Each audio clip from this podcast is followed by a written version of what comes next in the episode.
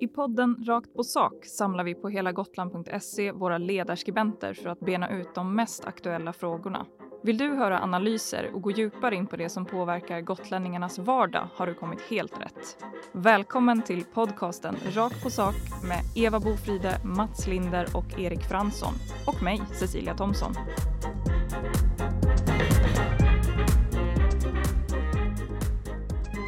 Ja, och med mig här i studion har jag i vanlig ordning Mats Linder, Erik Fransson och Eva Bofride.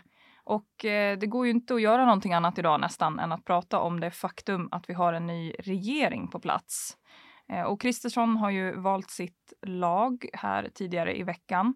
Har ni några spontana kommentarer på ministrarna? Eh, jag, jag är glad att är, de har valt aktiva politiker nästan uteslutande eh, som eh, kan hantverket. Istället för att försöka jassa upp regering med några nya fräcka namn från sidan eh, från andra verksamheter. Det tror jag är klokt. Det tror jag också är klokt. Eh, för att det är ju trots allt Även om man såklart ska ha kunskap om det man ministrerar över, så heter det inte, men jag sa det ändå. Så, sånt kan man ju faktiskt lära sig, men de här politiska gångarna är ju väldigt bra att, att kunna. Tycker jag också. Men sen var det många nya namn som i alla fall jag inte kände till och jag tror många andra inte heller. Så det ska bli spännande. Det är ju åtta år sedan eh, vi hade en borgerlig regering och eh, det hände en del på åtta år.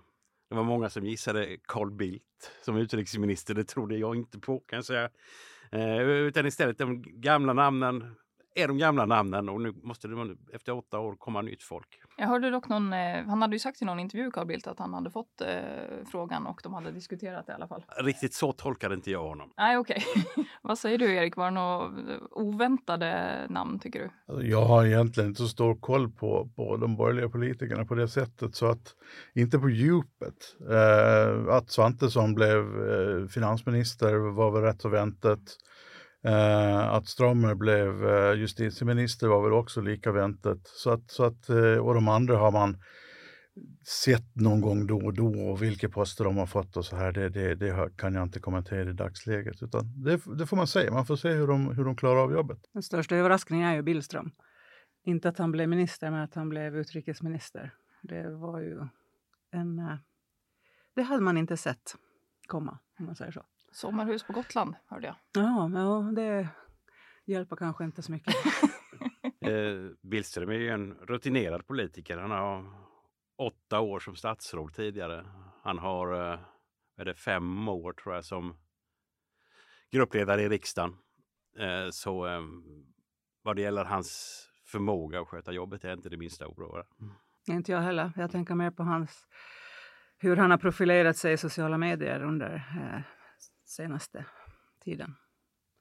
Han och Strandhäll ligger lite på samma nivå tycker jag. Aha, jag, jag är inte bekant med Billström på, på sociala medier så jag kan, inte, jag kan inte uttala mig om det. Vi tar en sittning efteråt här och, mm. och går igenom dem. Eh, men eh, det verkar ju som att Magdalena Andersson eh, är peppad på att sitta i opposition eh, och eh, hon har ju varit tydlig med att eh, partiet framför allt kommer att granska Sverigedemokraterna nu under mandatperioden som ju inte sitter i regering. Hur mycket inflytande har Sverigedemokraterna egentligen? Ja, alltså, de har ju stort inflytande. Det här eh, Tidöavtalet är ju, är ju väl detaljerat på de punkterna som man tar upp i det. Och, och där har ju också eh, SD fått en, en eh, administration inne i regeringskansliet som ska, som ska se till så att just Tidöavtalet fullföljs. Ehm, så att de har ju ett jättestort inflytande över den politiken som, som regeringen kommer, kommer att driva. Ja, det har de ju. Ehm, samtidigt var det väldigt... Eh, när man först fick höra det här avtalet så var man ju lite... Inte alla, men många var ju nedslagna i skorna efter det. Man blev ju lite mer upplyft när man hörde regeringsförklaringen och hörde liksom helheten och att det är väldigt mycket bra politik också som kommer att genomföras. Men man ska ju ha i åtanke att varenda beslut ska ju i slutändan godkännas av SD så att visst tusan har de makt. Vad kommer bli skillnaden nu då tror ni med Kristersson och hans eh, gäng vid rodret? Jag förväntar mig stora skillnader. Eh, exempelvis vad det gäller kriminalpolitik och energipolitik. Eh, är väl de liksom tydligaste och mest aktuella exemplen på, på där det verkligen behövs nya tag. Vad tror ni andra? Mm, det tror jag också att det kommer förhoppningsvis att eh, bli lite mer eh, handlingskraft eller vad man ska säga. Det är i alla fall det som har utlovats väldigt tydligt. Sen nu har vi ju fått veta att det var inte riktigt så enkelt men eh, eh nu plötsligt kommer allt att ta tid och bli värre innan det blir bättre och sådär. Men jag tror att det kommer märkas ett annat initiativ i och med att man har en mer eh, Eh, stabil grund att stå på. Att det kommer att ta tid att vända energipolitiken så att få, få ett eh, fungerande el, elförsörjning till exempel. Det, tror, det tycker jag man har varit väldigt tydliga med hela tiden. Det, det, och det tror jag alla förstår att det här går liksom inte i en handvändning. Det, det, här är processer med, med, med ledtider som ja, de är inte korta i alla fall. De kan vara långa eller mindre långa. Men samtidigt inför ett val så låter det nästan alltid som att eh, ja, men första dagen i princip så, så kommer vi ändra det här och det här och det här. Nej, jag, jag håller inte med om det. Ja, fast det, det kan vi leta upp några citat på. Ja, eh, du kanske kan leta upp enstaka citat på detta, men, men eh, intrycket från valrörelsen tycker jag inte alls var det. Vi kan börja på måndag, sa Kristersson en gång. Ja, börja. Ja, vi kan börja ta beslut på måndag. Mm. Ja. Det är väl som man tolkar det. Erik, vad tror du kommer bli? Eh, ser du några stora skillnader? de stora skillnaderna blir ju eh, integrationspolitiken, invandringspolitiken. Eh, på, när, det gäller, när det gäller brottspolitiken eller kriminaliteten, kampen mot den, så, så kommer man ju bara fortsätta på den inslagna vägen. Däremot kommer man gå bra mycket längre på den. Uh, och det, där ser jag istället problem med att, att vi kommer att närma oss en polisstat med eh, inre, inre, vad heter det, inre utlänningskontroller, eh, visitationszoner och eh, fler sådana saker som, som, som liksom kommer att drabba vanliga medborgare också, troligen bara för att man har ett, ett utländskt utseende. Så att det, jag, jag, nej, det, det, här kommer bli, kommer bli en tuff period. Jag tror inte alls på något scenario om någon någonting som liknar en polisstat. Jag tycker det är ansvarslöst att tala om det i det här läget faktiskt. Jag tror det kan, nu kommer vi in på såna teorier, men eh, mycket av det här har ju många juridiskt insatta sagt också att det går inte att genomföra. Liksom, att man kan inte ha till exempel riktade insatser mot folk som inte är misstänkt för brott och så här.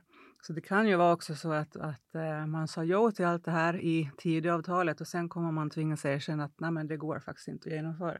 Så att det kan ju vara ett sätt att få med SD på tåget och så kan SD skylla på regeringen sen och sen alla nöjda. Win-win. Mm. Eller lose-lose, för där tror jag att det kan bli ett problem också. Om SD inser att de har blivit lurade att, att eh, här har de tre borgerliga partierna gått med på någonting som de visste var omöjligt att genomföra eh, och ändå sagt att jo, jo, det här kör vi på. Eh, så finns det ju risk att de, de drar sig ur det hela och då har vi ju en regeringskris istället. Ja, vi har ju lärt oss under den mandatperioden som gick att, att eh, när överenskommelsen inte kan genomföras så kan det leda till politiska problem. Så det ska väl inte uteslutas. Men eh, jag är hoppfull om att eh, man kommer att kunna åstadkomma mycket på det här området. Kanske inte allt, men mycket. En sak som eh, skapat eh, kritik nu är ju eh, det här med att regeringen Kristersson slopar miljödepartementet. Är det allvarligt? Jag noterar att Miljöpartiet var väldigt kritiska mot det här. Samtidigt kan man konstatera att när de, de gröna i Tyskland gick med i regeringen där så valde de att genomföra en liknande reform vad det gäller departementsindelningen. Så, så um, det Miljöpartiet i Sverige tycker är förgripligt, det gjorde Miljöpartiet i Tyskland. Liksom. Så um, jag vet inte. Jag, jag, tror att det kan vara bra att samordna miljöfrågor med andra därtill knutna frågor så att man kan göra samlade bedömningar. Ni tror inte att det, en del har ju tolkat det som att det här eh, visar hur oviktig klimatpolitiken är för den här regeringen. Alls icke. Jag, jag tolkar det så. Uh, det här är ju en åtgärd som, som känns som att en, en, en ordentlig nedprioritering av, av klimat och miljöarbetet.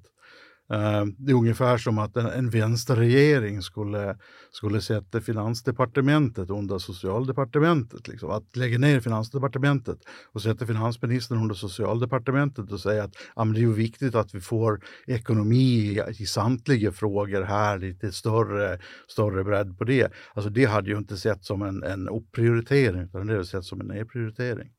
Svårt att uppröra mig över hur man delar in departement. Då tycker jag det är värre med den här nya riksdagsledamoten från riksdagens, Sveriges andra största parti som tog sitt första tillfälle i riksdagen att eh, påtala att klimatkrisen är påhittad och att det är en religion. Vi måste sluta med den här religionen eller vad hon sa. Det är anmärkningsvärt alltså och skämmes ta mig fan. Men det är ju följden av det som vi ser i eh, regeringsförklaringen och i departementsindelningen också. Att SD, att SD har fått en stor makt och att de har, har prioriterat ner de här frågorna därav. Jag tror inte att eh, övriga håller med om det. Jag tror SD är väldigt ensamma i den inställningen faktiskt. Ja, men ställer de krav på att så här ska det vara så är det frågan om vad Kristersson har gått med på.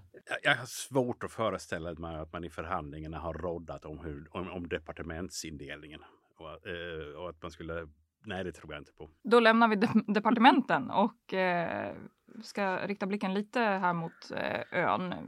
Tror ni att den här nya regeringen då, kan det påverka Gotland i någon eller några frågor? på något vis. Det skulle vara ifall vi får ett kärnkraftverk i Slite då, jag vet inte. Det vill ju två av de här partierna nämligen.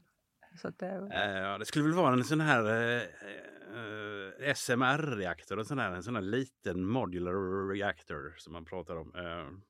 Annars så bör väl nya kärnkraftverk som producerar mycket energi placeras där det är lätt att transportera energin ifrån och sprida den över landet. Det är väl i hög utsträckning där det har legat kärnkraftverk förut skulle jag tro. Som har lagt ner de här förslagen? det är nog det enklast att förankra liksom, eh, opinionsmässigt också hos, hos lokalbefolkningen, skulle jag tro. Alltså jag ser en stor fara med, med eh, det här beslutet om att stoppa möjligheten för uh, stora vindkraftsparker att få rabatt på anslutningsavgiften. Uh, vi ser ju nu att, att det finns stora projekt på gång runt omkring Gotland och där Gotland skulle kunna få, få ta del av Eh, ja, arbetet innan och så vidare. Så det, det, det, skulle kunna komma en hel del mycket gratis till Gotland. Nu, nu när man stoppar den här anslutnings, eh, rabatten på anslutningsavgiften så blir de här projekten bra mycket dyrare. Och vad skulle det kunna spela för roll för Gotland? Med, med, om man lägger ner de här projekten, om man inte genomför dem, så kan det ju drabba Gotland i, i, i sinom tur. Sen när det gäller färjetrafik och, och elkabel så har man ju varit på ordentligt från de här partierna på att det ska genomföras. Sen är det frågan hur mycket pengar de skjuter till till Gotlandstrafiken. Det är möjligt att vi landar eh, lite dumt där då på grund av ekonomiska skäl. Stort tack till er som har eh, lyssnat och misströsta inte. Har du missat tidigare avsnitt av Rakt på sak så finns de samlade på helagotland.se under fliken poddar och program.